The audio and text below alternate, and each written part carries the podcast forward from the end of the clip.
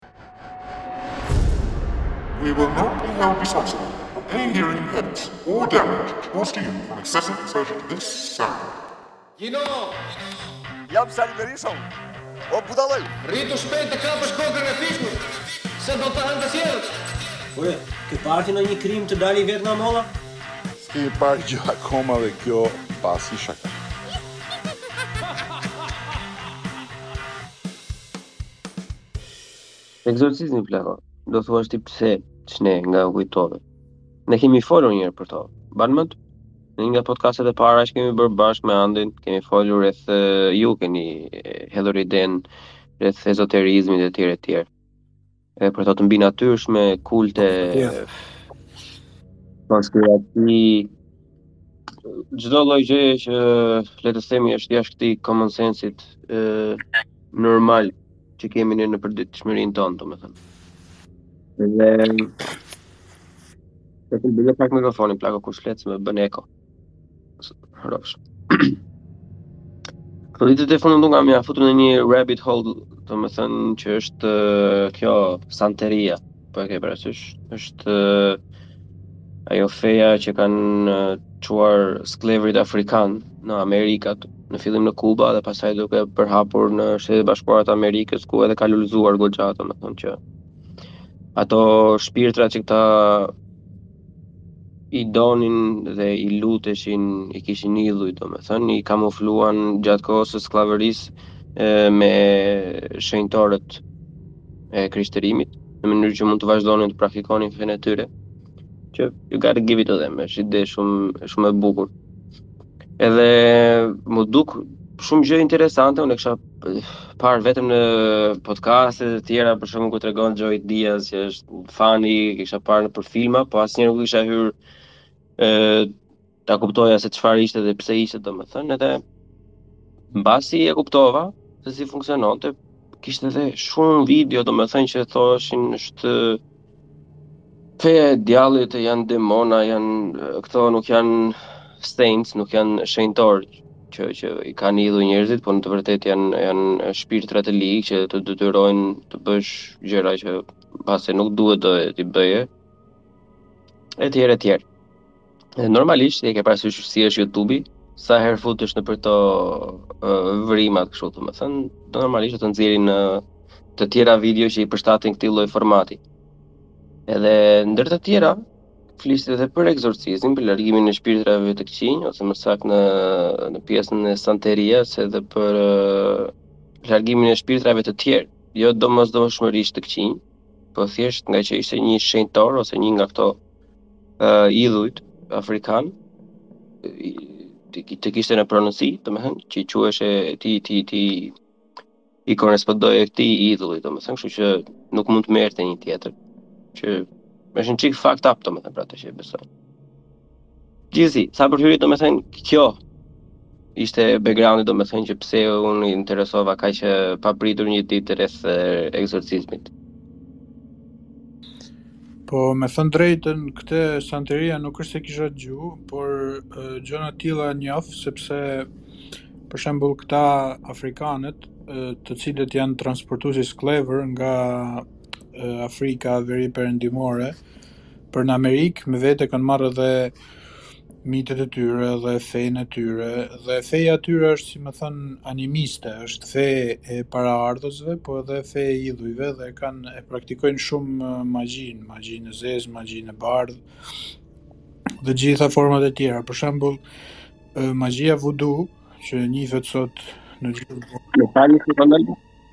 Santeria është kjo fiks kjo gjë që po thua ti tash, thjesht këto shpirtrat i kanë të kamufluar me shenjtorë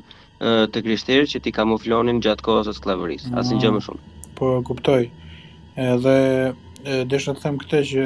vudu për shembull është një rit i atyre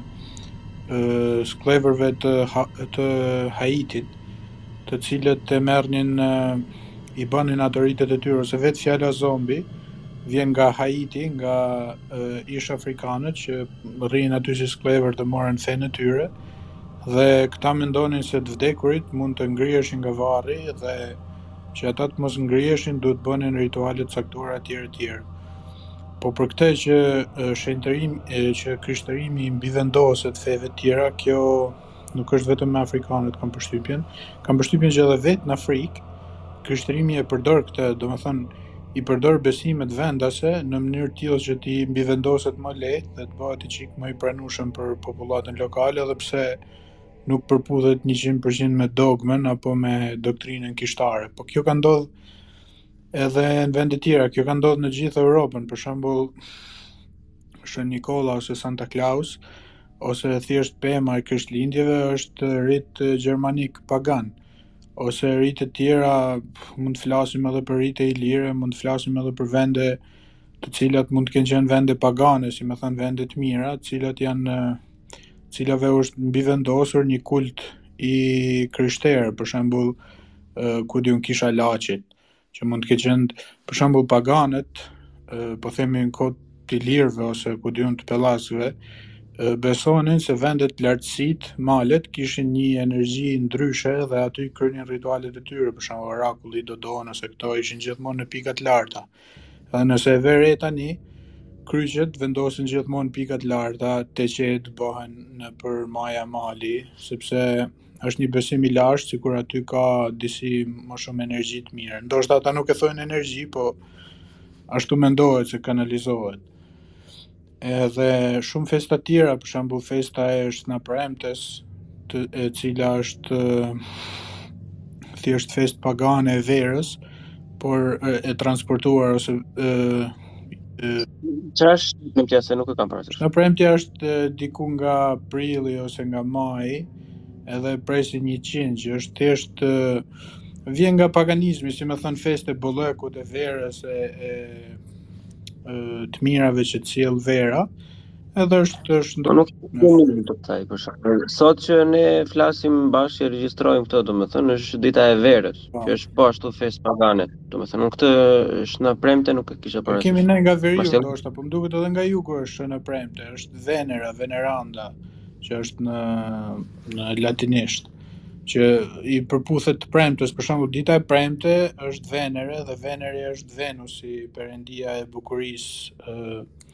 dhe ose dashurisë romake, kështu që është edhe në kultura të tjera, në kulturën romake shumë koncepte janë përthithur nga krishtrimi. Edhe ose edhe thjesht ditëlindja e Jezu Krishtit 25 dhjetori është ajo festa ia harrova Sol Invictus Dielli i pamposhtur është festivali, po, festivali si Equinox, jo, s'është Equinox, jo, solstici. Katër ditë pas uh, solsticit, aty ku dielli është oh, në pikën e tij më të ulët, jo, aty ku dielli fillon të rikthehet dhe të rilartësohet mm. dhe paganët e festonin këtë si dielli i pamposhtur edhe iu mbivendos Krishtlindja, kështu që është e kuptueshme për mua që kjo ka ndodhur dhe atje në Amerikën Latine. Për t'iu rikthyer asaj që the ti, në Amerikën Latine, për shembull, në Meksik kanë edhe rite të çuditshme siç është Santa Muerte, që i i falen vdekjes e kanë bërë kështu si shenjtore të krishterë që është thjesht një rit pagan. Edhe edhe rite të tjera. Tani ajo Santa Muerte është thjesht rimishërimi i sakrificës njerëzore nga këto fiset maja dhe azteke që kishin atë zotin kryesor Quetzalcoatl që gjatë gjithë kohës kërkonte sakrificë vdekje. Mund të jetë, nuk është çudi. Nuk është çudi. Edhe lidhje me ekzorcizmin që po e flasim konkretisht, mendoj se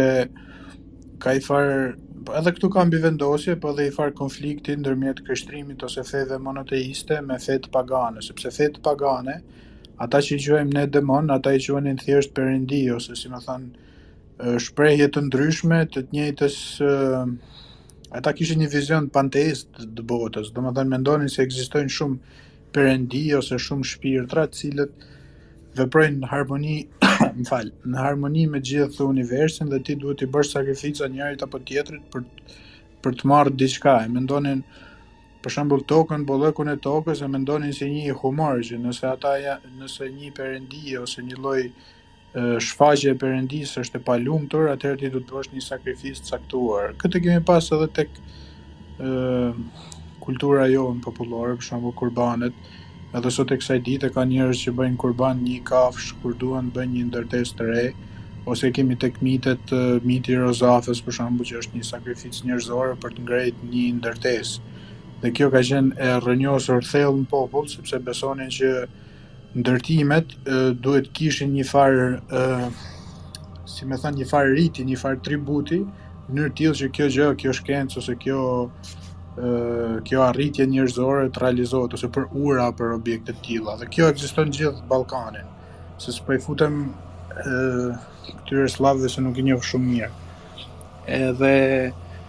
kështu domethënë, por te grekët e lashtë, fjala demon që e kemi ne, daemon, aty ishte thjesht shpirt, edhe mendonin se gjithë njerëzit kanë demon, kuptimin që ty të ndikojnë për mirë apo për keq. Ndërsa në krishtrim pati një prerje si me thikë, si me thënë, ekziston vetëm Zoti, Perëndia, ekziston Jezu Krishti, ekzistojnë shenjtorët, por gjithë ata demonët e tjerë, apo perënditë lokale, apo si mund ta themi idhujt të cilëve iu falen popullata lokale duhet të, të shemben, të shkatërrohen. E, kjo pati të mirat e veta, sepse nga një anë u zhduk ajo kultura e, e sakrificave njerëzore, u tha që Jezusi është sakrifica e fundit dhe nuk ka nevojë më për sakrifica njerëzore apo të kafshëve, por nga ana tjetër këto fe duke qenë thellë të rrënjosura tek tek kultura, tek mentaliteti njerëzor, e gjetën mënyrën të mbijetojnë në forma të ndryshme brenda brenda krishterimit. Dhe kjo mendoj se ka ndodhur edhe me ata të Kubës apo ku e di unë. Tani nuk, nuk jam fut tamam tek ekzorcizmi, po po flas thjesht për Perënditë dhe raportin e tyre me fetë monoteiste, se mund të flas edhe për Islamin, për shembull, dhe Islami ka shumë uh, koncepte pagane që i ka inkorporuar, për shembull, gjysëmhëna nuk ka lidhje fare me me Muhamedin. Gjysëmhëna ka qenë një uh, simbol i Astartit ose i, i Venerës ose i Afërditës, si i themi ne, ka qenë simbol i pjellorisë, por është marrë nga perandoritë e hershme islame dhe është marrë si simbol ose kurbanet që bëhen kurban Bajrami vjen nga Ka dhe një ide tjetër për te pjesën e hënës që është marrë si kundërpërgjigje rreth si, si e ka ai besimi i lashtë në Iran, në Persinë e hershme që i thanim ne? Zoroastrianizmi.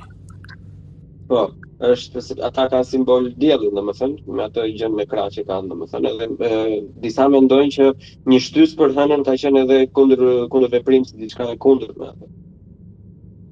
Po edhe mundet, edhe meqë ma përmende, për shembull në Iran ka sot Irani është një ndër shtetet më teokratike sot, edhe është një farë diktature, por Edhe aty ka njerëz të cilët e praktikojnë në fshehtë, në mënyrë të fshehtë zoroastrianizmin dhe zoroastrianizmi ka qenë e ka patur të falurën 5 herë në ditë para islamit ose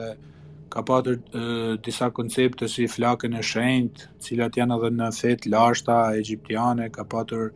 e, koncepte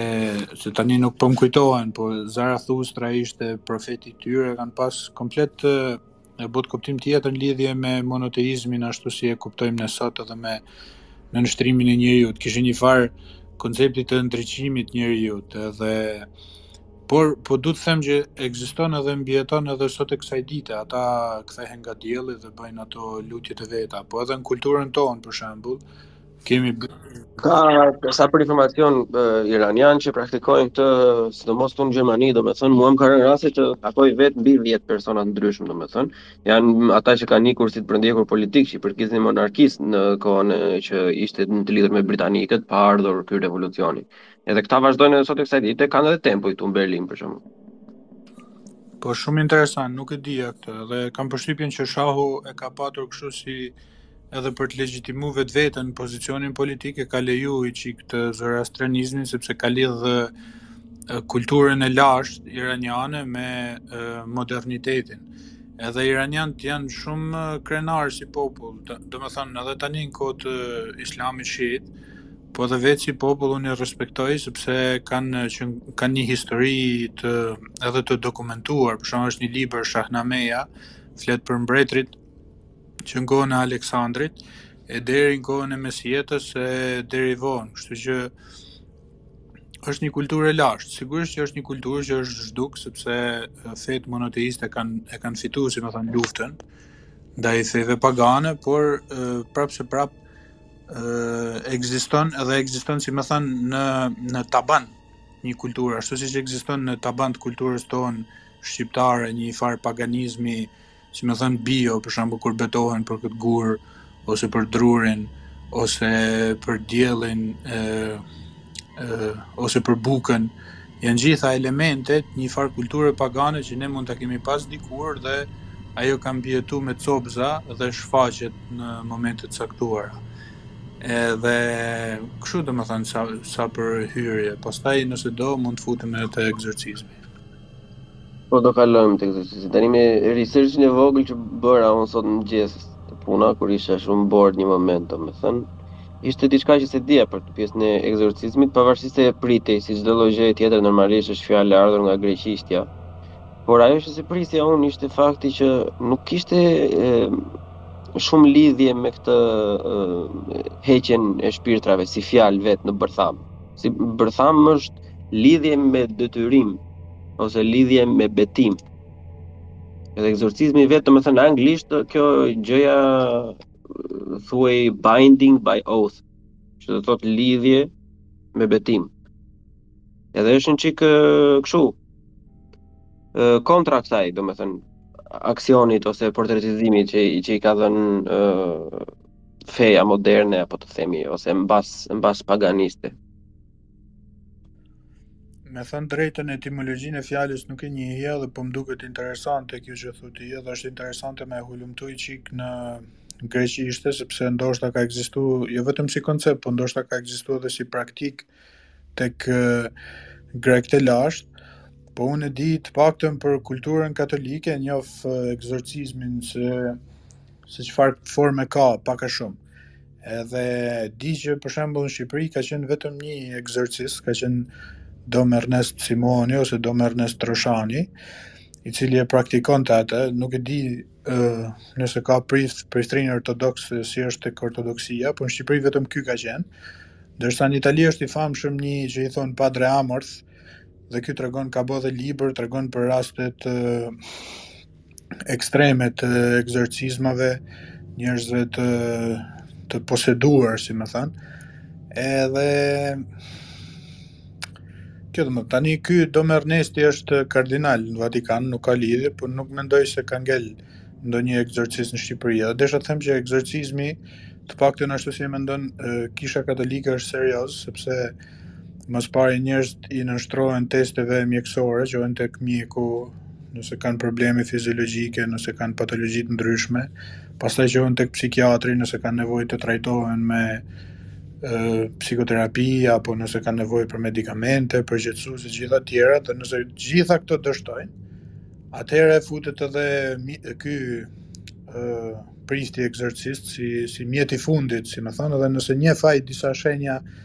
të caktuara, sepse për shembull një rast që e kam dëgjuar, për cilin fliste ky Dom Ernesti, ka qenë një vajzë e cila kishte humb peshë në mënyrë të tmerrshme, kishte 20 kg, 25 kg, diçka e tillë. Edhe thuhet se për këta njerëzit e poseduar nuk kanë nuk kanë dëshirë të hanë ose Shenjat për këta mund të jenë që urrejnë çdo gjë që ka të bëjë që ka lidhje me Perëndinë apo me vendet e shenjta, ose flasin gjuhë të cilat nuk është normale që duhet t'i flasin, flasin gjuhë të, të lashta ose të zhdukura që janë këto aramaishte të tjera të tjera, ose bëjnë veprime fizike të cilat nuk janë nuk janë në mundësitë e tyre atletike, për shembull kërcejnë në mënyrë të jashtëzakonshme ose përplasen ose thyjnë krahun, lëndojnë vetveten në një mënyrë që s'është shumë njerëzore. Tani këtu futemi në një terren pak, si me thënë, të rrëshqitshëm, sepse nuk dihet ç'është shkencë, ç'është mit, ç'është besim, ç'është bestytni, e kupton? Por ë sa i përket katolicizmit kanë edhe ritual për ekzorcizmin edhe bëjnë lutje njëra pas tjetrës, Edhe supozohet ta dallojnë që një person është i poseduar nga djalli sepse i bëjnë pyetje kujt i përket ti, cila dhe djalli nuk i përgjigjet dot ndryshe, përpiqen që ta ta ndajnë njeriun nga djalli që e posedon, përpiqen ta kuptojnë se kush po i përgjigjet, e uji i shenjtë e me the thash. E diçka tjetër që desha të them është se Dikush mund të thojë që këto janë thjesht prralla, kupton se këto janë njerëz me probleme psiqike dhe kanë nevojë thjesht për një neurolog ose një psikiatër, nuk kanë nevojë për ë uh, priftin ose edhe hoxhën, sepse edhe në islam ekziston puna e ekzorcizmit, e heqja e xhindeve, ka dhe aty rituale më vete, ose këta e, ungjillorët, evangjelistët, të cilët bëjnë edhe disa rituale kështu publike, i bëjnë duke bë ekzorcizma. Tani edhe aty nuk dallohet ç'është sharlatanizëm ç'është tamam i vërtetë, sepse ka dhe njëfarë elementi spektakl të spektaklit. Por gjithsesi për ta vazhdu këtë temën e ekzorcizmit, duhet të kuptojmë edhe që ekziston demonologjia. Pra ekziston një, po themi, disiplinë ose një një mjeshtri ose një shkencë okulte, të cilën disa njerëz që e praktikojnë e besojnë vërtet. Edhe ne kemi fol bashk ne të dy, bashkë me tjerë për okultin, edhe kemi thënë, kemi fol për astrologjinë, për numerologjinë, për ku di un për kabalen etj etj. Po një ndër këto që është shumë e rëndësishme është edhe demonologjia, pra njerëz të cilët i invokojnë apo i thrasin demonët për të pas një favor apo për të pas një të mirë në jetën e tyre, për të pas një për të pas pushtet apo nuk e di për të bërë keq dikujt për arsye nga më të ndryshmet. Edhe këto janë të studiuara. Nuk po flas për Aleister Crowley, po janë që me ë librat grimoar që quhen që në kohë të Solomonit flitet, se tani asgjë s'është e sigurt, po flitet. Kështu që e gjithë shkenca e okultit e përmban këtë aspekt, pra thirrjen e këtyre shpirtrave. Tani është në zgjedhjen e kujtdo që të bëj se edhe këto ndahen left hand left hand pathway, right hand pathway, domethënë rruga e dorës majtë ose e krahut majtë dhe rruga e krahut djathë. Krahut djathë është magjia e bardhë ose rituale që ti bën për mirë, për, për t'i bërë mirë dikujt apo vetes. dhe supozohet se aty karma nuk ka ndonjë arsye për të të ndëshkuar ty dhe krahut të majt është nëse ti i bën keq dikujt ose ti nëse nëse ti thret një demon tek vetja jote për të pas një fuqi apo një vetbesim ekstra apo nuk e di se çfarë favori tjetër apo nëse ti kërkon një pushtet apo para apo nuk e di se çfarë mund të kërkojnë njerëzit dhe këto ekzistojnë njerëzim Ne kemi pas së fundmi atë skandalin Balenciaga, ose kemi pas atë Spirit Cooking që bënte Marina Abramovic që ngjan ngjasonte shumë me këto ritualet, edhe po themi sataniste, ose kemi pas rituale pagane për Molokun që fliteshin, që i bënte ai këshilltari i Hillary Clinton, ia harrova emrin se si e ka, dikur i kam ditë më me detaje këto. Po e kam fjalën që njerëz shumë të pushtetshëm ë i bëjnë këto dhe ka njerëz që edhe adhurojnë për shembull Luciferin ose e konsiderojnë nuk e konsiderojnë djall ashtu si e konsideron krishtrimi, po e konsiderojnë thjesht një demiurg ose një shpirt i cili ty të jep dijen dhe nuk është negativ në vetvete. Kështu që për të konsideruar ekzorcizmin, mendoj se duhet të konsiderojmë edhe ë demonologjinë edhe magjinë e zezë. Nëse ka njerëz që besojnë vërtet dhe praktikojnë demonologjinë ose magjinë e zezë, atëherë është natyrale që të ekzistojë ose të praktikohet edhe ë ekzorcizmi. Edhe nuk e di nëse ke naj pyetje tjetër. Jo, te kjo një, një shtesë të vogël, atë ka që këto që unë kam lexuar pak më shumë, do me thënë, për për pjesën e hershme për para krishtërimit rreth eh, Greqisë së lashtë edhe këto epikat nordike, do me thënë, edhe në mesin e epikave nordike, pak më, më afër me ne janë dhe epikat eh, galike ose keltike, ato të Irlandës edhe është dokumentuar që edhe në dyndjen e vikingëve shumë mbretër anglez, do me thënë, kanë pasur këto shamanët keltik që i përdornin në, në raste të ndryshme. Një që është dokumentuar është për mbretin Alfred, në kohën e Danelaw të ligjit të danezve që ka përdorur një shamane për t'i shpëtuar jetën e fëmijës së tij të vetëm, që ishte djalë, do ishte pasardhësi në fron. Dhe mm, këto keltiket janë mm, as të bardha as të zeza në ndryshim me këto me këto afrikanet janë thjesht një një jep një merr edhe ishin disa vargje që unë i kam lexuar ku thoshin që për çdo lloj magjie ose çdo lloj riti që që performohet në sipas kulturës keltike, në qoftë se të hiqet një problem, domethënë ai problem nuk është se zhduket, ai thjesht i kalon dikujt tjetër në këtë botë.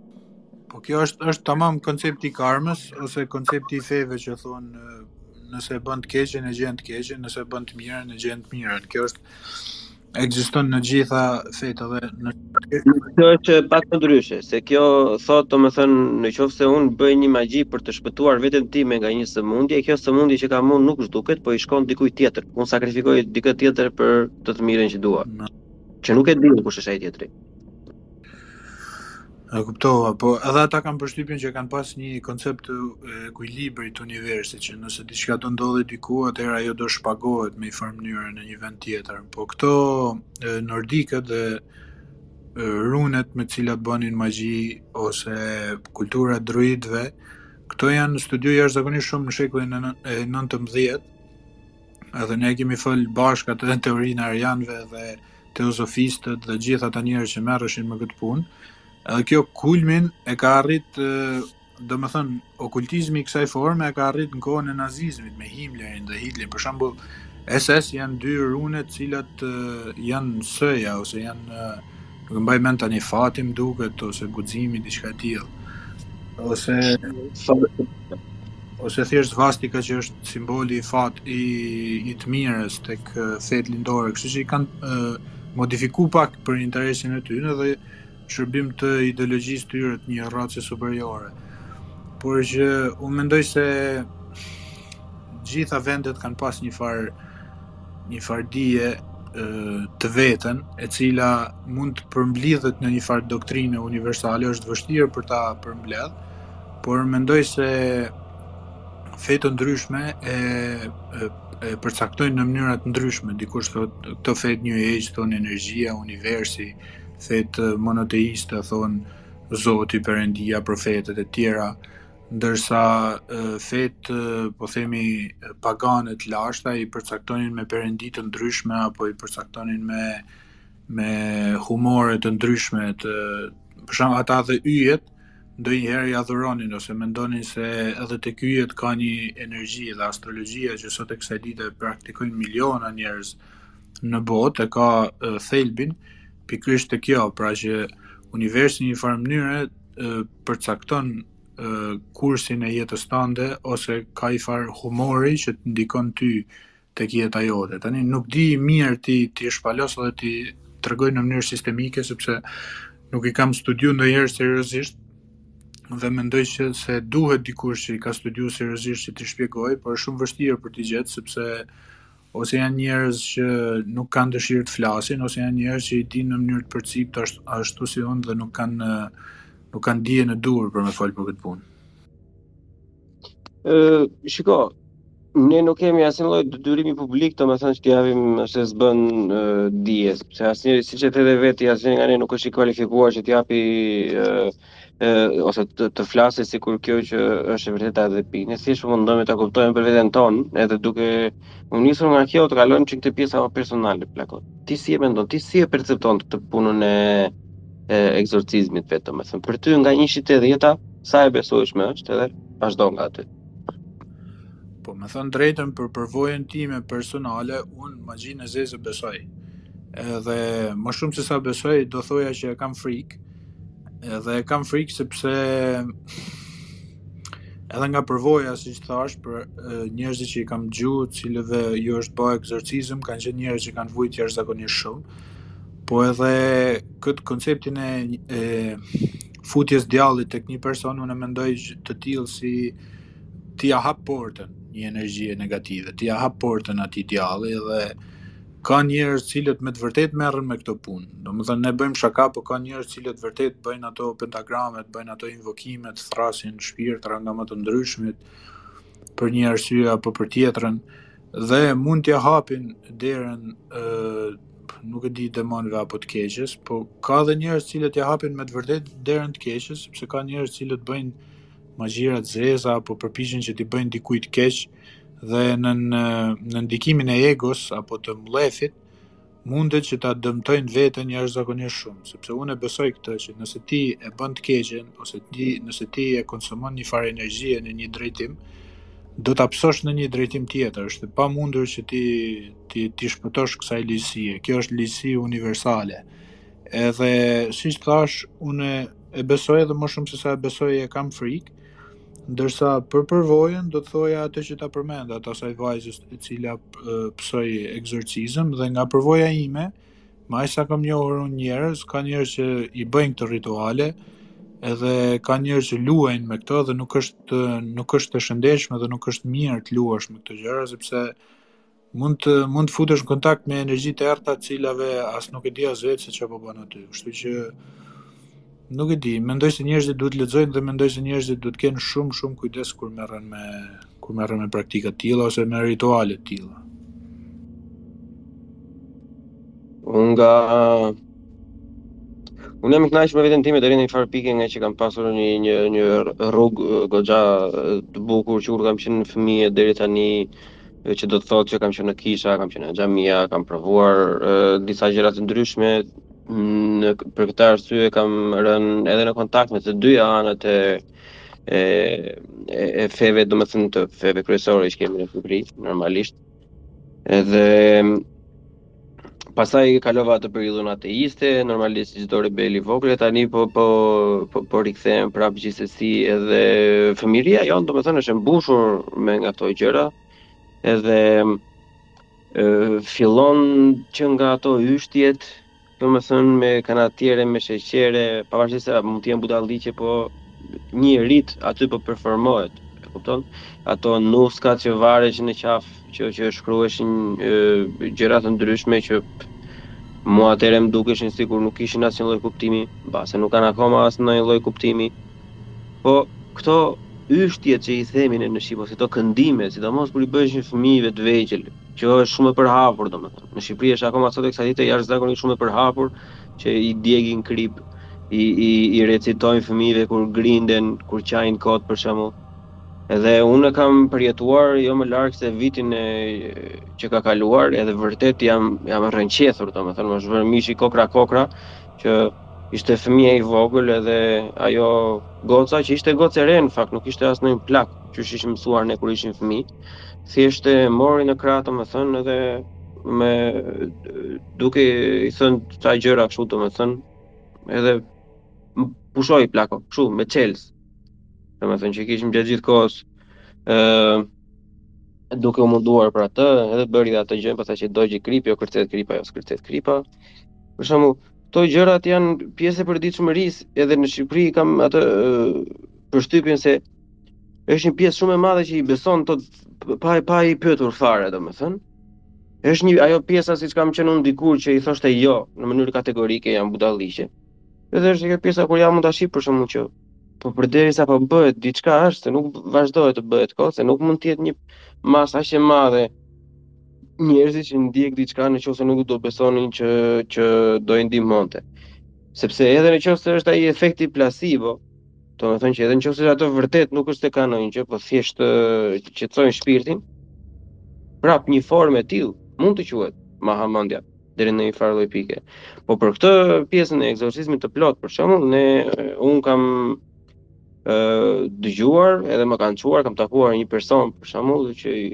pretendoi pretendonin që ishte i, i pushtuar nga një xhind në lagje të Beratit që quhet Vakaf. Turqishtja e vjetër më duket ose nga arabishtja Vakaf do të thotë varreza. Edhe është komplet një lagje që është ngritur mbi varreza, domethënë normalisht Ato bestytnitë pastaj sa vijnë e rriten gjithmonë, sepse normalisht është dukuri mbinatyrale në një vend ku literalisht quhet varrezë e gjithë lagja, priten gjëra të tilla, edhe historia e këtij individi ishte pak qesharake për ne si fëmijë atëherë, sepse ishte nuk e din nëse e ke pasur ti kur ke qenë fëmijë që të thoshin nuk urinohet jashtë natën. Kupton? Po. Edhe ai hoxha për shembull që na që i bënte ai duan,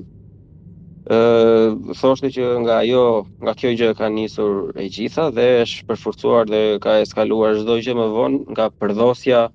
e Zotit, domethënë është, domethënë siç e përshkruajte ti më përpara nga mohimi i Perëndis, nga këto çdo lloj gjëje thjesht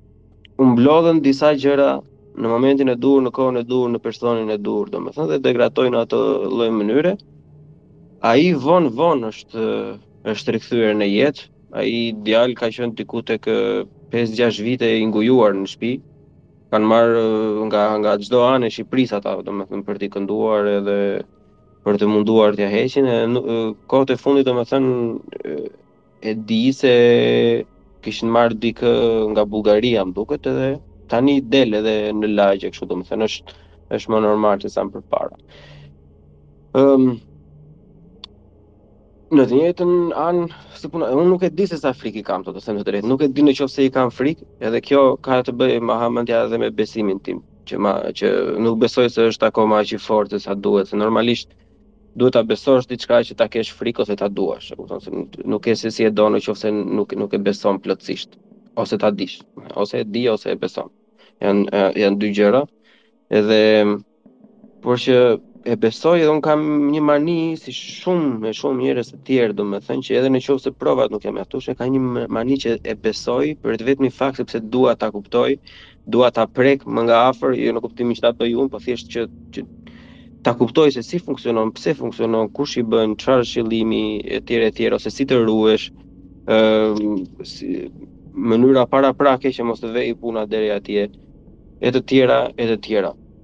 Në raste të tilla për shembull unë kam dëgjuar edhe nga një shoku im që është ortodoks, Berati është kështu lesh e li, ke të gjitha. Edhe ortodoksizmi në fakt i njef në një grad më të madhe se sa katolicizmi dhe islami këto. Ë ekzorcizmin. Domethënë edhe e kanë e kanë më të pranueshme, e kanë më të thjeshtë ta pranojnë që ekziston si fenomen, edhe më të thjeshtë të, të performojnë, domethënë kurse Me sa di unë, domethënë, sidomos nga ana ë katolike, ka ngelur jashtëzakonisht shumë pak, jo vetëm në Shqipëri, por pothuajse në në në në të gjithë perëndimin mund të jetë e drejtë të thuash që ka ngelur vërtet pak, domethënë. Kurse ajo që ka është e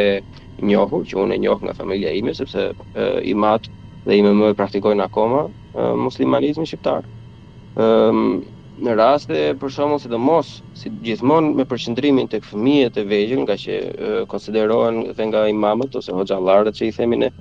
si ëm qenie që janë të brishta, që janë të thjeshta për të manipuluar, shpesh herë çohet tek një hoxhë që i këndon ato vargjet e tij, domethënë që mund të jenë nga Kurani ose mund të mos jenë nga Kurani, po është diçka që bazohet në atë ato idetë e tyre domethënë. Rukje, po e ke dëgjuar ndonjëherë si ë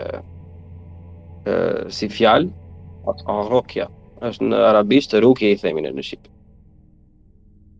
Edhe Këto janë shumë të njohura dhe jashtëzakonisht shumë të përhapura, domethënë. Mbase në veri juve nga që keni një pjesë më të, goxha më të madhe se sa ne katolik, mbase nuk është kaq e përhapur, po jam i bindur që në, në, në sidomos në bërthamën e muslimanizmit shqiptar që është Durrës, Kavajë, Tiranë, Elbasan, domethënë ekziston akoma edhe sot e kësaj dite. Unë e mbaj mend kur kemi qenë të vegjël, unë kam pasur një problem kur kam qenë i vogël që nuk haja. Deri në 3 vjeç kam qenë pothuajse kështu si obez, si beb Edhe pastaj thon njerëzit që më mori dikush mësysh, edhe s'më ka ikur asnjëherë që atëherë, edhe kam ngelur kështu si shkop. Edhe edhe mua më kanë çuar kur kam qenë i vogël kështu nëpër individë të ndryshëm që performonin performonin rituale. Ato si këndime ishin më saktë, se nuk është se kurë gjo, nuk më lidhen me ndonjë vend apo kështu, po ishin thjesht këndesa kështu. Edhe edhe heqja e syrit, domethënë syrit të lig eksorcizëm klasifikohet apo jo? Po, domethënë, Për syrin e keq nuk e di tamam, sepse syri i keq supozohet të jetë një person që lëshon energji negative drejt teje, diçka e tillë, po jo tamam ekzorcizëm. Ekzorcizëm është nëse një demon futet brenda teje ose një xhind siç e kanë muslimanët dhe pastaj duhet të bëhen rituale për ta nxjerrë atë prej teje. Dhe njeriu që supozohet se është i pushtuar nga djajt, vuan jashtëzakonisht shumë, sepse djajt e, e shkatrojnë atë trup. Për shembull, ne kemi në Bibël atë Marinë Magdalenë, që ok, ishte prostitutë, po ishte edhe e poseduar nga shtatë djaj. Edhe Jezusi ia nxjerr ato, edhe ka dhe raste të tjera të ekzorcizmit të Jezusit, po janë gjithmonë njerëz që ose vuajnë ose kanë probleme kështu, nuk shikojnë ose kanë probleme fizike të tmerrshme. Dhe janë njerëz që vuajnë jashtëzakonisht shumë. Edhe unë desha ta lidh pak me atë që the ti për këto ritualet tipike tek fëmijët. Unë tash që ma the ti e mbaj mend edhe për veten time. Mbaj mend që mami më thoshte që kur ke qenë i vogël ke qenë kështu si me temperaturë, vetëm qaje, ishe i grindur. Edhe kjo kishte dëgju nga një gru tjetër, më kishte nxjerrë me një farë nate me kështu me, me stuhi dhe kishte thënë një tre herë disa fjalë, nuk e di tamam. Edhe pas asaj isha bë mirë unë, të paktën kështu thotë mami, e unë nuk e di se çka ka ndodhë vërtet.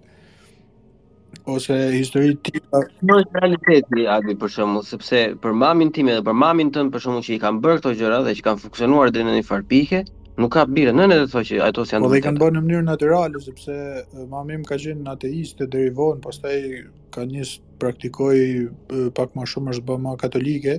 por nuk i besonte fare këto. Po thjesht nga nevoja për ta ndihmu një fmi, sepse nuk dinte asnjë mënyrë tjetër dhe mjeku nuk i kishte dhënë naj arsye, dhe e praktikoi dhe i funksionoi, e kupton, nuk është se kishte naj besim ajo Ok, mund të ketë pas besim momentin që e ka bë, po jo se kishte naj far besimi sistemik të formuar. Edhe desha të them këtë tjetrën që ë tek ne ka shumë njerëz që i çojnë njerëzit për t'u shëruar tek kisha e Laçit për shembull ose kanë besime të tilla edhe unë nuk e di nëse janë tamam pagane apo nëse janë më shumë të krishtera por njerëzit e kanë këtë farë besimi. Ka dhe njerëz që abuzojnë shumë me besimin natyral të njeriut, se ka për shembull fallxhore ose njerëz që supozojnë se shërojnë ose bëjnë vepra të mira dhe këta janë ata që abuzojnë me me dëshirën e njeriut për të pas për të pas një një ndihmë mbinatyrore. Edhe e treta që desha të them është për këtë punën që përmende ti për rukjet. ose për suret, nuk e di tamam se si funksionojnë, më duket se përsëritet ajo surja Al Fatiha, diçka e tillë. Ose kë, po, këndimin. Uh, unë mendoj se ka i far bazë këtu, sepse të gjitha fetë, edhe feja katolike, edhe feja ortodokse, edhe feja muslimane, e kanë lutjen, edhe kanë të, të përsërisësh diçka në mënyrë monotone dhe ta përsërisësh me besim të vërtet, me idenë se ti do ndryshosh diçka apo do të marrësh një hir nga Zoti, nga Perëndia. Dhe kjo kjo aplikohet edhe nga shumë njerëz të cilët thonë apo mendojnë se janë ateist, por në fakt edhe ata, për shembull tek indianët është kjo mantra. Mantra është të përsërisësh një fjalë në një frekuencë të caktuar ose me një tingull të caktuar për një kohë të gjatë, në mënyrë të tillë që të të kesh një ndikim tek shpirti jot apo tek uh, universi. Po kjo ngjason shumë me me uh, me lutjet tipike të krishtera, për shembull, ke shumë uh, mistik uh, të krishterë, murgj, të cilët, për shembull ata starostat e, e sllavëve, të cilët përsërisnin një lutje 10.000 herë, o Zot ki mëshirë, për shembull, edhe rrinin kështu të varfër, asket, për, për të marrë një hir nga përëndia. Ajo që du të them është se këto këndimet apo lutjet mund të duken budallik, por sidomos në kohët e fundit me këto fetë New Age apo me me shpjegimet me shpjegimet shkencore se si mund të ndikojë muzika tek truri e tjera tjera kanë edhe i far bazë të vërtetë edhe po ta shohim edhe tek islami këto si quhet dhikri apo zikri që bëjnë këta sufistat bektashinj që e përsërisin një një fjalë apo një tingull në një mënyrë të caktuar dhe bëjnë kërcime ose muzikë ose e çojnë veten në një gjendje trans edhe kjo ka lidhje shumë edhe me fetë lindore, po ekziston në gjithë fetë abrahamike, se ekziston edhe tek ortodoksia, ekziston edhe tek feja katolike që njeriu e çon veten në një farë transcendence të shpirtit nga gjendja e thjesht njerëzore përpiqet të ketë një kontakt më të thellë me me Perëndin. Po mendoj se duhet t'i thotë dikush do ta kishim ftuar në një space dikë më të specializuar, se unë nuk i di shumë mirë këto koncepte. Por unë do të them që i besoj sepse nuk e di a i besoj plotësisht dhe nuk di t'i argumentoj plotësisht, po themi nga ana shkencore apo as nga ana teologjike nuk i njoh shumë mirë, por i besoj një farë mase sepse në praktikë e kam pa që kanë ndikim te jeta e njeriut. Dhe ajo që e the ti për efektin placebo, nëse një njeri lutet dhe lutet për mirë, për me pas një hir pozitiv nga Perëndia, atij të keqë nuk i bën kjo gjë. Kështu që nuk e mendoj negative fenë. Feja mund të jetë negative nëse përdoret nga, nga njerëz të ndryshëm për t'i manipulu njerëzit ose për t'i fut në luft me njëri-tjetrin, por në thelb, qëllimi i gjithë feve është ta përmirësojnë jetën e njeriut dhe t'i japin përgjigje disa pyet, pyetjeve ekzistenciale në lidhje me jetën, në lidhje me vdekjen, ça ndodh pas vdekjes, në lidhje me të mirën dhe të keqen, unë në shumë raste të jetës time, kur jam përballë me zgjedhje, po të mos kisha i farë botëkuptimi fetar, nuk e di ça zgjedhjesh do kisha ba, a do kisha dit çfarë është e mira, çfarë është e keqja, a është e mirë ajo që më jep mua përfitim apo kënaqësi momentale, apo është e mirë ajo që është vërtet e mirë, që është e mira morale, bazuar mbi të mirën absolute. Kështu që mendoj se i farë boshti moral njeriu i duhet, dhe kjo është pozitive e feve. Edhe kjo tjetra pasaj, që njerëzit përballen me situata që nuk dinë t'i shpjegojnë, edhe feja i jep i farë i farë sistemi dhe i farë shpjegimi.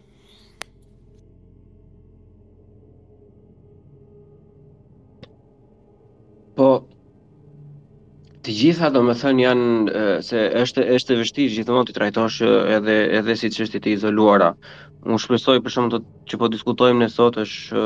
më shumë se sa hyrje, unë do doja ta diskutonim edhe herë të tjera, mbase herë tjetër do na jepet edhe mundësia për shembull të gjejmë edhe persona të duhur Ose në qoftë se jo të duhur, deri diku pak më, më specifik, pak më të ditur se sa ne, po është, është e vështirë. Ti, në the edhe më përpara, domethënë që nuk është se flasin e, shumë hapur. Unë sot dëgjova një intervistë që më ka bërë jashtëzakonisht shumë përshtypje, për fat të keq nuk më kujtohet emri e, për momentin, edhe Po. Ëm um, Në vitin 2023 ky prifti ishte eksorcist, ishte i ftuar nga një personazh që bën intervista me politikanë, me njerëz zakonisht shumë serioz, domethënë, dhe kishte marrë dhe këtë priftin dhe besonte në mënyrë të përgjithshme se çfarë ai thoshte. Për mua edhe me këtë naivitetin e të riut, domethënë, edhe ignoranca ime rreth këtyre gjërave, domethënë, ose rreth fesë në këto detaje që përmende ti më përpara, pjesa e transit, pjesa e të qenurit, të komunitetit, për shembull, unë nuk kam jetuar ndonjëherë në komunitet, nuk më nuk e kam pasur fatin e mirë që kur i kam provuar në fëmijëri, domethënë s'kanë qenë ambiente të mira, kanë qenë ambiente të gabuara, që ajo çka më çoi mua në ateizm dhe që u riktheva prapë edhe normalisht është e vështirë ideja është që është mirë të flasësh për të tilla gjëra sepse ti, ti e di që unë jam skeptik gjithë gjithë kohës edhe nuk, jam, nuk kam qejf të jem absolut edhe e, për këtë temë është njësoj si për çdo lloj teme tjetër që Mirëpo sa, sa fantastike mund të jetë mund të jetë mendja e njeriu, domethënë, nëse këto janë të gjitha të shpikura a, nga njeriu, janë kaq shumë të detajuara, janë janë rite janë këto për shembull siç e the ti për pjesën e plastikës ose pjesën e, e transit, këto koret kishtare, si katolike, si ortodokse, domethënë, ose ato më të famshmet koret ose chanting e, e Georgian. Janë kryevepra për shembull që shumë persona sot edhe bile dhe terapistë edhe psikiatër i përdorin ato këndime ose ato tinguj, domethënë, për të krijuar një lloj vibrimi për trurin që e qëtëson individin në fjalë. Edhe duke kaluar pastaj më tutje në, në kulturat lindore, siç i kanë mongolët edhe pastaj më të njofurit mbarëbotërisht murgjit e Tibetit, që njifen për ato chant-et e tyre. Se nuk po më vjen tash mu fjala si i thonë chant në shqip. Ku di këngë, ne kemi njësoj edhe për këngën kishtare edhe për këngën kështu normale kam përshtypjen. Okej, okay, Domethënë, edhe në që të rikthehemi prapë tek eksorcizmi, ëm um, gjyshi im, domethënë, u preftë paqe, ëm um, i njihte Kështu. Ti e di që ka qenë që ka qenë imam gjyshi, edhe i njihte këto gjëra, nuk e kishte qejf të fliste për këto. Kupton? Nuk i nuk donte t'i jepte vëmendje, nuk donte të t'i nxirrte kështu uh, sikur janë të forta, të fuqishme, normalisht sepse njësoj si në krishterim, edhe muslimanët besojnë që sado lloj, sado të këqija, sado të të, të forta të jenë asnjëherë nuk e arrijnë uh, fuqinë e krijuesit pasi është gjithmonë e pjesshme dhe e paplotë, edhe që nuk zgjat asnjëherë në pafundësi si zgjat fuqia e krijuesit. Edhe pavarësisht ai ishte rigoroz në atë, domethënë këto gjëra nuk i ka uh, anashkaluar komplet, sepse edhe në krishterim dhe në muslimanizëm, në me sa mund të dini, ka rryma për shembull që këto gjëra thonë jo, nuk ekzistojnë. Edhe ky absolutizmi për shembull mua më duket pak absurd, Sepse po flasim për besim, nuk po flasim për 2 plus 2 bëjnë 4. Si mund të zgjedhësh absolutisht të besosh diçka dhe absolutisht mos të besosh diçka?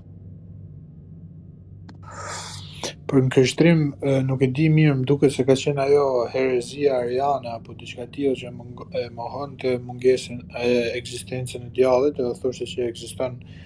e mira dhe e keqja brenda njeriut janë të dyja.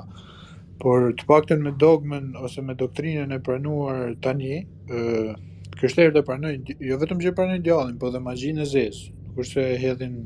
poshtë që nuk ekziston. E thonë që ekziston, e thonë që është shumë e rrezikshme, edhe që duhet të ruhesh, edhe që ka masa të ndryshme që njeriu i merr për t'u ruajt ato simbole që njerëzit i mbajnë nëpër shtëpi apo ujë i bekuar apo tjera tjera. Dhe meqë i përmende fëmijët, Për fëmijët kur pagëzohen thuhet a i bien a e mohon djallin apo a i bien mohit dhe supozohet se është mirë për fëmijën të pagëzohet dhe mos të vdesi pa pagëzuar sepse do të ketë më të vështirë për shku në parajsë etj etj ndërsa këta të tjerët që i bëjnë ritualet nëse ti e ke vënë re ë edhe ia kushtojnë nëse ke gjuar shprehjen që thotë bën pakt me djallin Pakti me djallin është që një njeri ia kushton shpirtin e vet, ose ia, e hap rrugën për tek shpirti i vet për forca okulte, për të marrë diçka, dhe sigurisht në këtë pakt ti do të marrësh diçka, po edhe do të paguash diçka tjetër që është mund të jetë akoma më e rëndë dhe ti nuk e do, por je mendjelehtë dhe e pëson. Kështu që mirë do ishte që të rinjtë, se unë njoh për shembull, që nga kultura e metalarëve që përfundojnë në këtë mënyrë, ndoshta janë pozer, ndoshta e bëjnë kot sa për formë. Por prapë se prapë mua më duket tepër e rrezikshme, një e para dhe e dyta është edhe influenca tek kultura mainstream, influenca tek muzika, influenca tek filmat, janë shumë simbole të cilat ne i marrim në mënyrë edhe subliminale, as nuk e kuptojmë që po e marrim atë simbol dhe sidomos të rinjtë dhe adoleshentët nuk i kanë mjetet e duhura për t'u përballë me këtë me këtë lloj kulture dhe mund ta marrin shqeto siç është dhe kur e shohin një pikë të jetës tyre janë të ndikuar jo vetëm në ideologji, por dhe shpirtërisht mund të jenë të ndikuar nga diçka që ata as nuk e kuptojnë, kështu që për mendimin tim mirë do ishte të të kenë kujdes. Po shtoj si speaker edhe Xholekën, nëse je dakord. Po po pa problem. Po edhe edhe Lenin nëse ka dëshirë. Na jep dhe ai botëkuptimin e vet sepse edhe ne nuk nuk është se kemi të plot, po këtë po thosha që duhet të kemi kujdes në e, e, kulturën mainstream tek filmat. Nëse e vë re ka dhe njëfarë e, bëje mute mikrofonin, të lutem Xholek. Ka dhe njëfarë e, ndikimi tek filmat në e, ka dhe njëfarë glorifikimi të njerëzve të cilët bëjnë rituale apo njerëzve të cilët sillen dalin me simbole nga më të ndryshmet, dalin në forma nga më të ndryshmet, bëjnë sakrifica, ekziston prapë kjo puna e sakrificave. Kështu që nuk e di, për mendimin tim duhen informuar njerëzit, duhet ta kenë një kulturë bazë edhe në lidhje me këto gjëra. Domethënë ishte ide e mirë ajo e formimit e lëndës fetare në shkolla, edhe pse nuk u realizua kurrë në Shqipëri. sepse nuk dihej kush do e bënte, si do e bënte, dhe kishte frikë se mos shkollat nuk po nuk do të jenë më laike. Por unë mendoj se njerëzit duhet ta kenë një botëkuptim të vetin bazik lidhje me fetë, të dinë çfarë është çfarë është magjia, çfarë janë këto, çfarë është magjia e zezë etj etj. Pastaj janë të lirë të zgjedhin, mund të jenë ateist, mund të jenë fetar, mund të jenë, ku di unë, budist, të jenë ça duan, por duhet ta kenë një botëkuptim bazë që mos të mashtrohen, ne kemi fol vetë për kultet, jo po zonja Eleonor, kulti i këtij, kulti i atij ose këto kultet njerëzit që përfunduan duke vra veten, ato dy gratë protestante në kombinat ose njerëzit që përfundojnë me ideologji ekstreme siç ishte ISIS atje në Siri, aty përfundojnë. Do të thotë çka për shembull Albin ose nuk e din nëse ke parë lajme dje dhe sot ose pardje, nuk e di kur ishte fiks në Amerikë për shembull, janë diku te 3-4 goca në në fillore ose në 9 vjeçare aty në Amerikë për shembull që janë aktualisht në reanimacion ose në spital nga aksidente me atë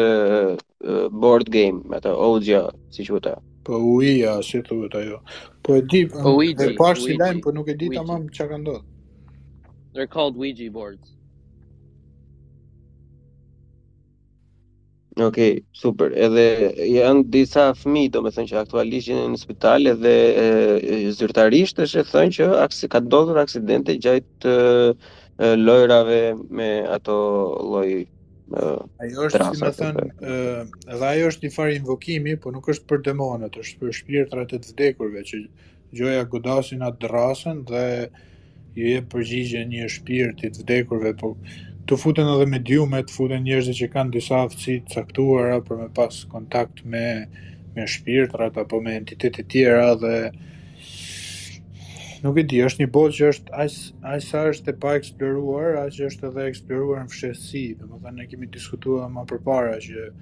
këta mentalistët edhe shërbime sekrete i kanë përdorur ndonjëherë për qëllime të caktuara apo për për të kuptuar, për të studiuar gjëra të caktuara, kështu që mendoj se duhet studiohen në mënyrë pak më sistematike, edhe nuk e di, nuk jam shumë i përgatitur. Po ta gjejmë edhe Gjolekën. Uh, në përgjithësi këto gjërat që janë uh, këto Ouija e këto gjërat që janë paranormal uh, lidhet me degën e parapsychology quhet. Uh, edhe ka njerëzit që bëjnë këto um, Mund të jetë MK Ultra, mund të jenë këto gjërat që janë ndër, domethënë ndërlidhur me domethënë gjërat që nuk lidhen me shkencën, po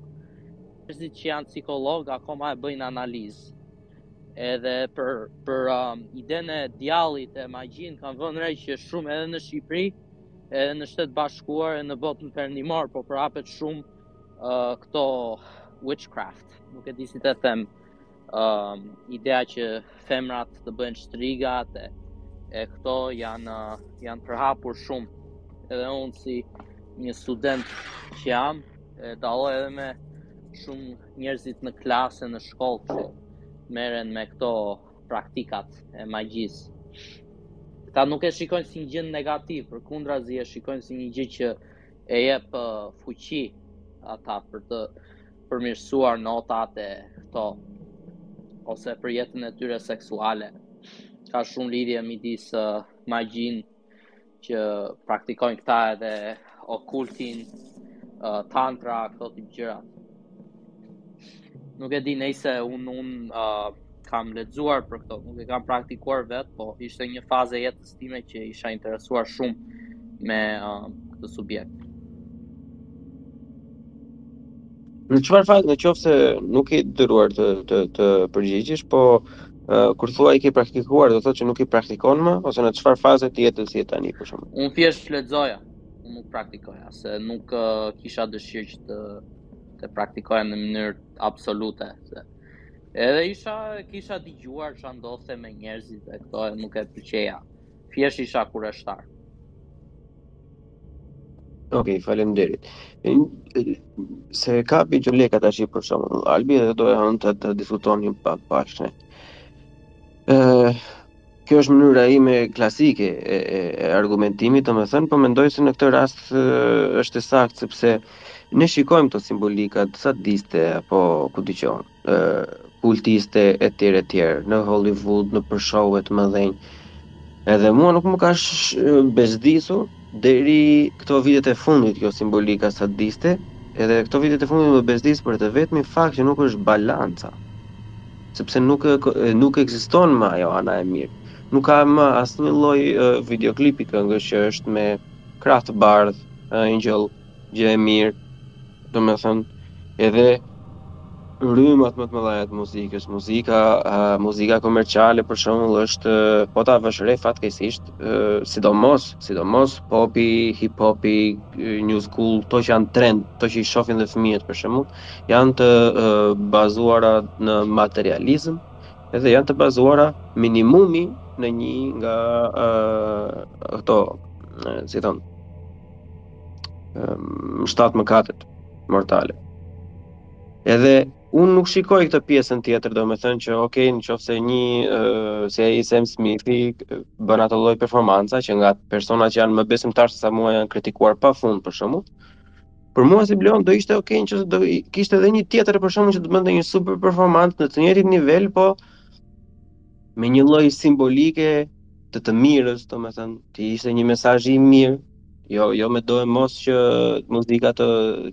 domethënë këngët më të famshme që nuk kanë asnjë lloj mesazhi për momentin fatkeqësisht. Ose mbase jam dhe unë i prapambetur domethënë që nuk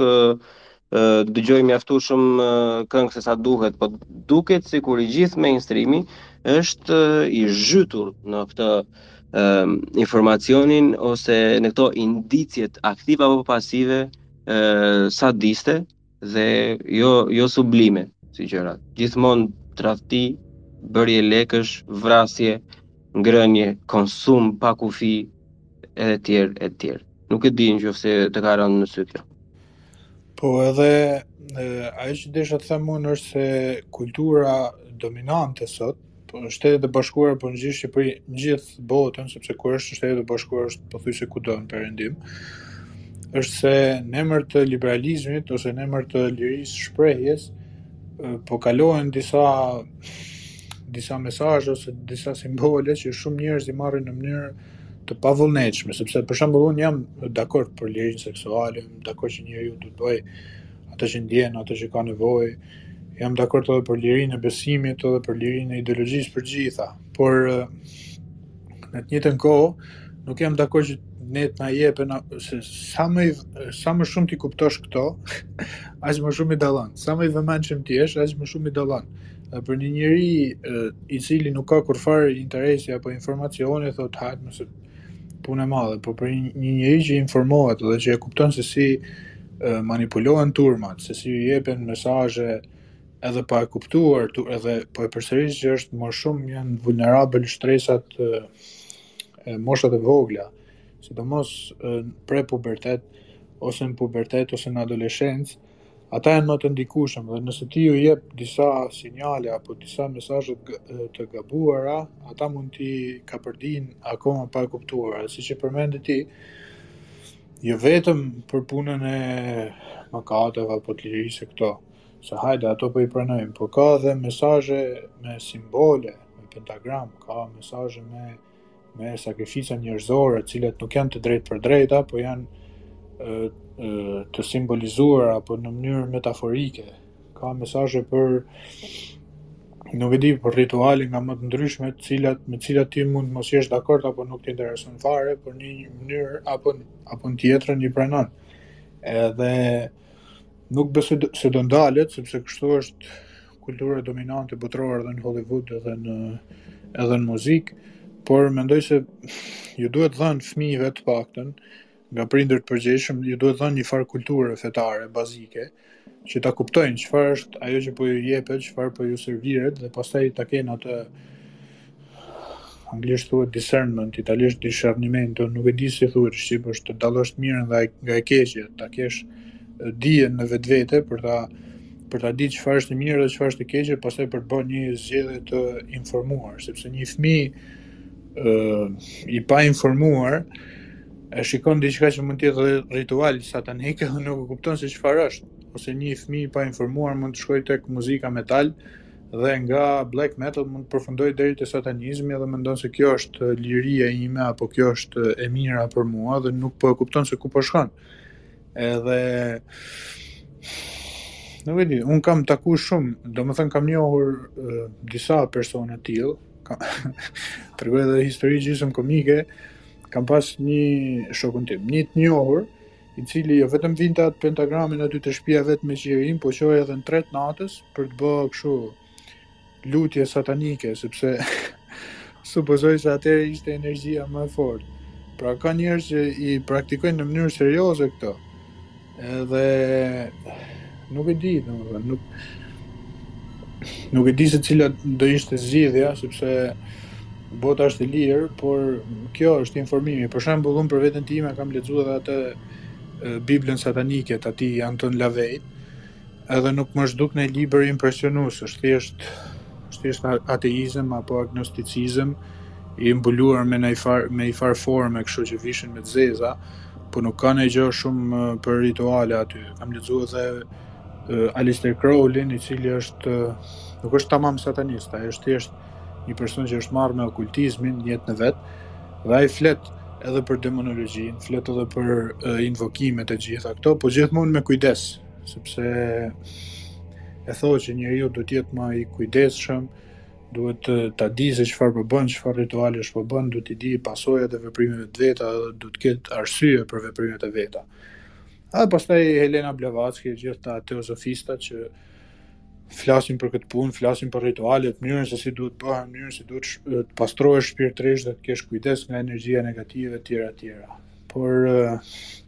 nuk e di, mendoj se është temë delikate, nuk është temë për gjithë dhe nuk është se gjithë i futen me kokë. Këtyre gjërave edhe as unë nuk jam fut me kokë, thjesht i njoh në mënyrë sipërfaqësore, sa për sa për t'u mbrojt, si me thonë, por mendoj se e, kanë interes për jetën e gjithëve, momentin kur futen në mainstream nga dikush, që nuk, nuk e dim se kush është, por futen në mainstream dhe tentohet që të, të pranohen, ose të gjithë pranohen, ose të jenë totalisht normale dhe Mua s'më duket fare normale dhe përpiqem të mbrohem, ta mbaj mendjen time të pastër me aq sa është e mundur, por mendoj që për shumicat dhe për masat është e vështirë. Ok, Gjeka. Uh, do të thosha që pajtohem shumë, po um, problemi më duket më madh është që jo vetëm që është përhapur shumë, po edhe që nuk është bërë, nuk është një gjë që është më tabu për shumë njerëz. Domethënë, uh, për shembull ato Ouija boards që ekzistojnë, ato mund të gjesh të pakën në Amerikë ku jetoj unë, um, ato mund të gjenden në dyqane,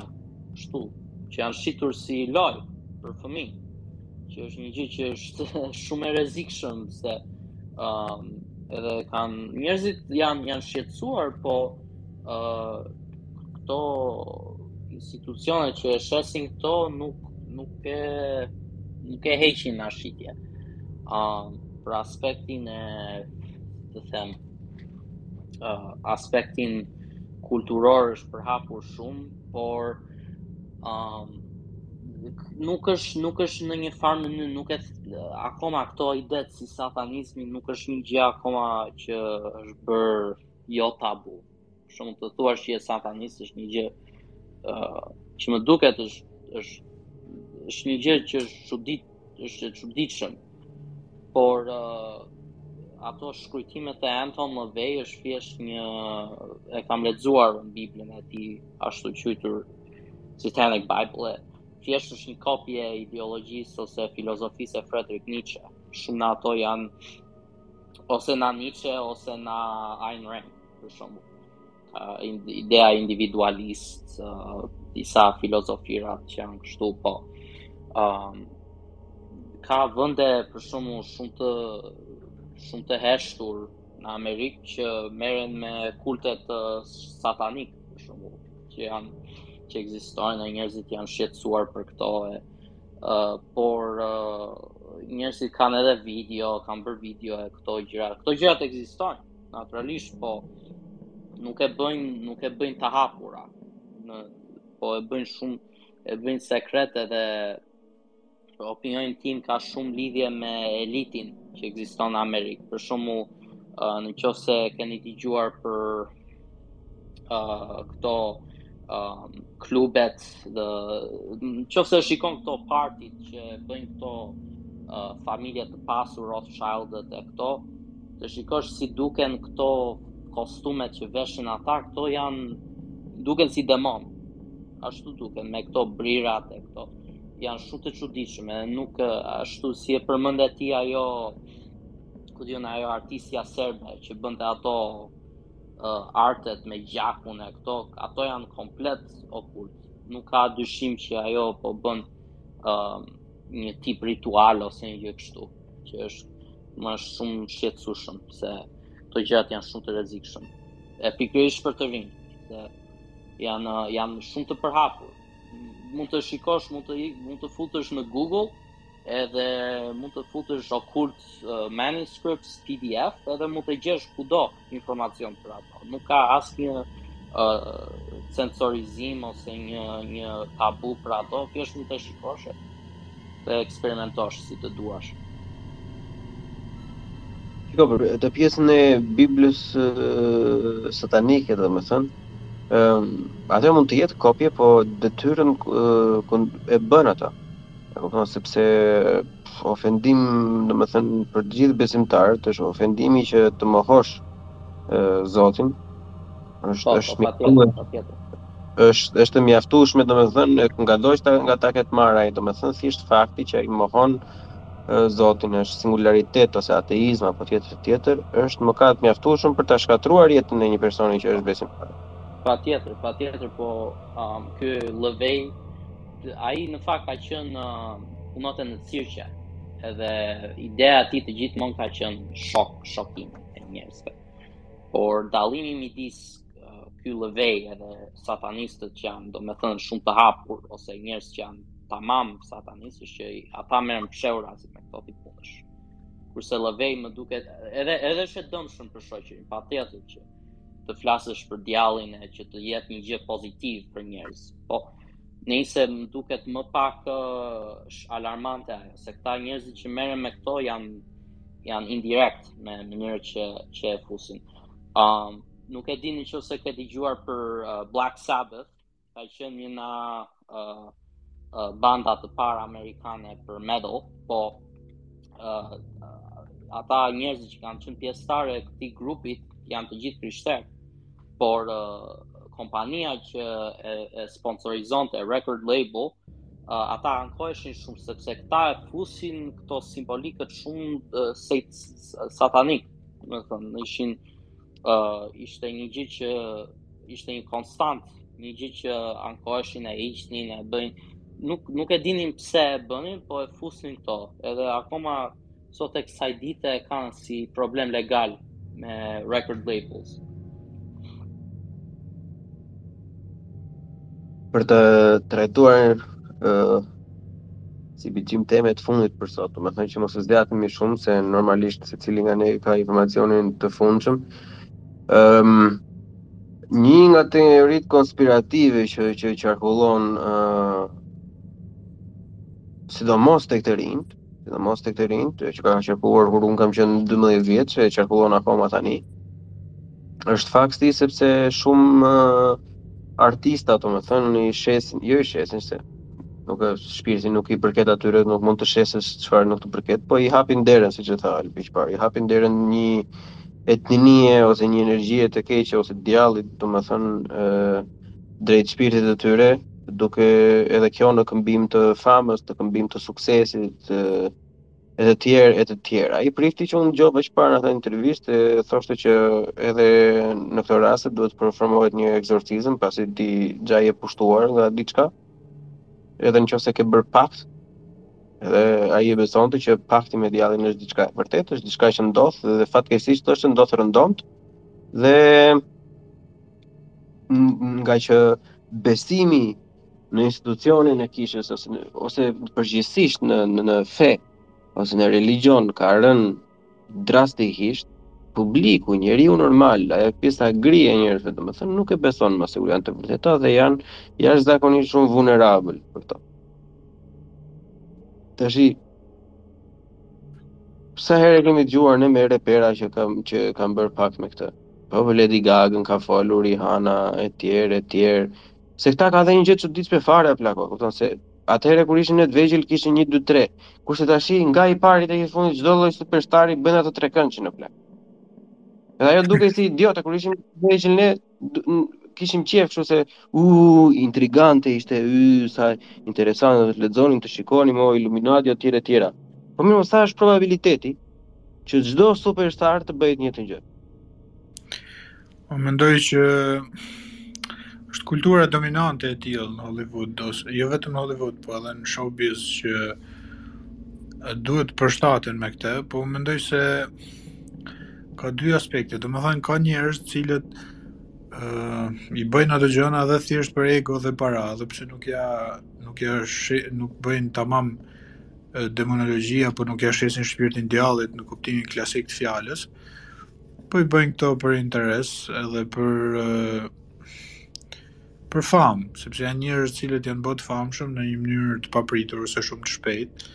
edhe nuk dinë as si t'ia shpjegojnë vetvetes. Për shembull Tom Cruise është fut tek Scientology, dhe aty është një fe në vete dhe ajo me problemet e veta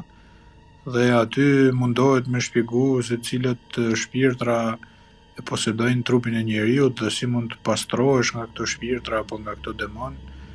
edhe se si të kthehesh për shembull kam lexuar librin Dianetics që është libri i Scientology Edhe aty thuhet që në tokë paska ardhë Xenu, një far perendi, jo një far perendie, po një një kështu si shpirt alien, bashkë me miliona shpirtra të tjerë dhe këta jetojnë në tokë e torturojnë shpirtin e njeriut dhe ti duhet të bësh seanca psikoterapie, seanca kështu scientology për t'u çliru nga ato. Pra, po du të them që VIP-at janë njerëz vulnerabel sepse ashtu siç i kemi pa dhe me vipa shqiptarë, nuk janë gjithmonë njerëz të cilët janë qëndrueshëm mendërisht ose nuk janë njerëz që kanë një taban të fortë moral apo e, mendor apo ideologjik. Janë njerëz me dobësitë e tyre, janë artistë, janë njerëz të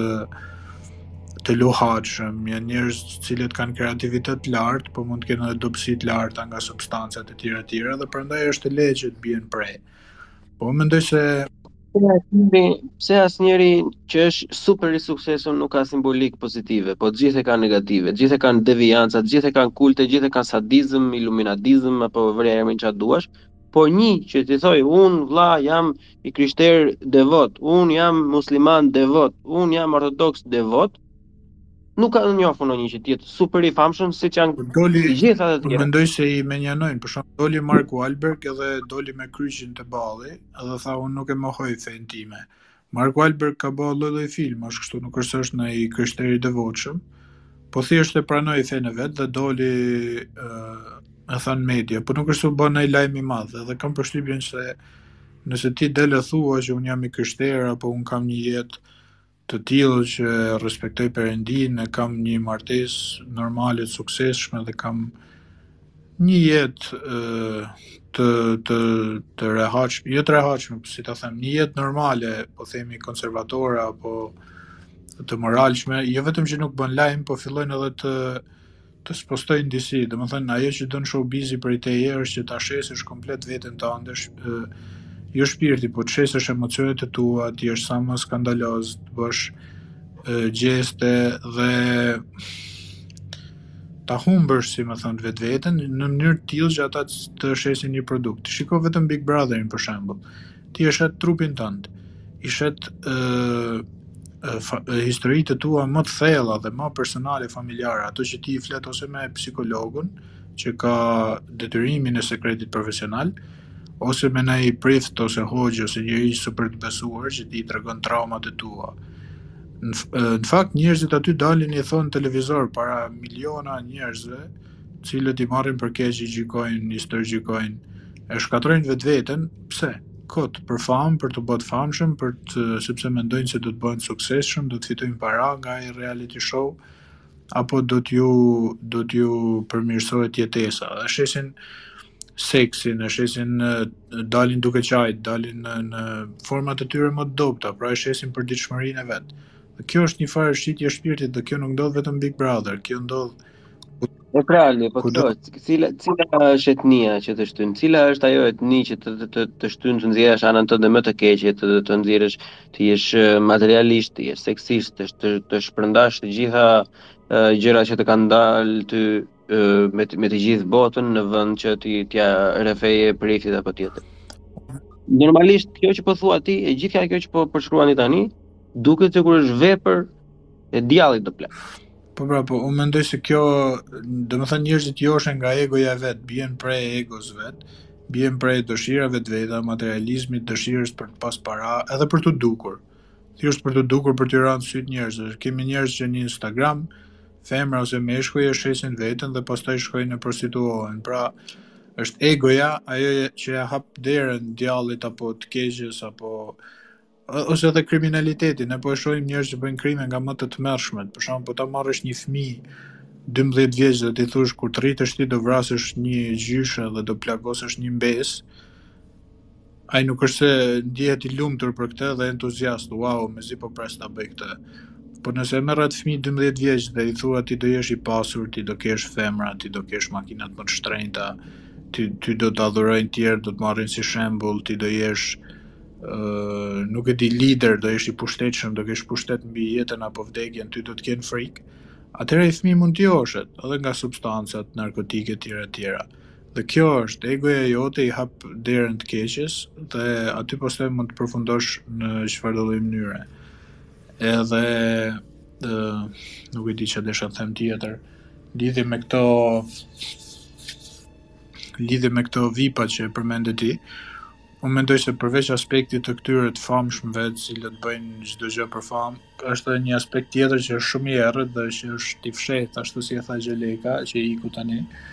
Dhe janë ca njerëz të cilët i bëjnë disa rituale shumë të fshehta dhe janë ca njerëz të cilët edhe në dark web apo në këto hapësirat më të fshehta të internetit që nuk ka akses as policia, Aty bëjnë pedopornografi ose aty vrasin fëmijë ose aty bëjnë krime nga më të tmerrshmet dhe ka që i bëjnë këto krime nga më të tmerrshmet jo vetëm për sadizëm dhe kënaqësi seksuale po ka që i bëjnë edhe për rituale sepse ka njerëz që besojnë vërtet dhe kjo është kjo është e vërtetë kjo që po them sepse është e provuar nga eksperienca ka njerëz që besojnë vërtet se sa më të tmerrshme t'i bësh disa krime aq më shumë energji do marrësh. Edhe kam fjalën për energji negative, në kuptimin që ti do jesh i pamposhtur, ti do jesh i, i fortë, ti do jesh, do kesh sukses. Për shembull, nuk e di nëse keni gju ju, po ka raste në Afrikë, sidomos, ka njerëz të cilët bëjnë sakrifica njerëzore për të pas sukses në futboll. Unë e di rastin konkret një futbollisti nga Afrika, nuk e di Gana apo cili vend, i cili kishte vra mos gaboj nënën e vet. Sepse mendonte se duke bërë këtë sakrificë do ketë sukses në futboll dhe do ketë, do bëhet ylli i futbollit. Kjo është tipike magji e zezë. Domethënë është... është... Kjo lidhet direkt pastaj me atë pjesën e Santerisë edhe këtyre idhujve që ata kanë, sepse të tilla janë ata lloj idhuj që ata kanë. Po është definicioni i magjisë së zezë, dhe kjo nuk ekziston vetëm në Afrikë, kjo ekziston edhe në Europë, edhe në Amerikë, edhe ekziston tek disa njerëz që janë super të fuqishëm dhe e përmendi Gjeleka, janë disa shoqëri të fshehta të njerëzve të fuqishëm të botës, të cilët mblidhen bashkë dhe bëjnë rituale degraduese për njeriun, domethënë nga më të, më të ndyrat, sepse mendojnë se kjo ju jep një farë fuqie. Për shembull, e kemi atë filmin Eyes Wide Shut i Kubrickut, ai flet për orgjitë seksuale në fakt, nuk është se flet për sakrifica apo për rituale të degradimit. Po edhe aty shikohet se si seksi nuk është vetëm seks. Domethënë energjia seksuale e përmend edhe Crowley që është një ndër energjitë më të forta njerëzore. Energjia seksuale, orgjia, përdoret si si një kanal i i okultit apo si një kanal i magjisë në mënyrë të tillë që ti të të arrish dhe të realizosh një ritual të caktuar. Edhe kjo e shpjegon atë që po e thoje ti se pse janë vipat, pse i bëjnë këto rituale, sepse ka janë disa njerëz me sa duket, të cilët ose i dirigjojnë në një farë mënyre, ose kanë kanë arritur ta imponojnë kulturën dominante të jetë të tillë që energjia njerëzore, seksualiteti, po themi emocionet,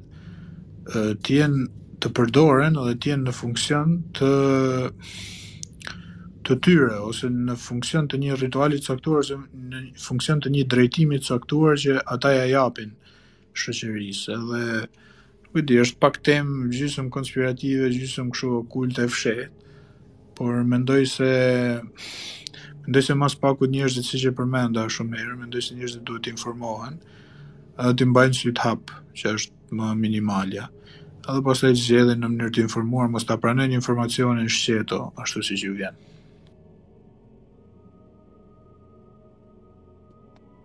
Super pra. Unë ma mendja si, si, si për herë të parë që po flasim këtë temë, domethënë si për hapje,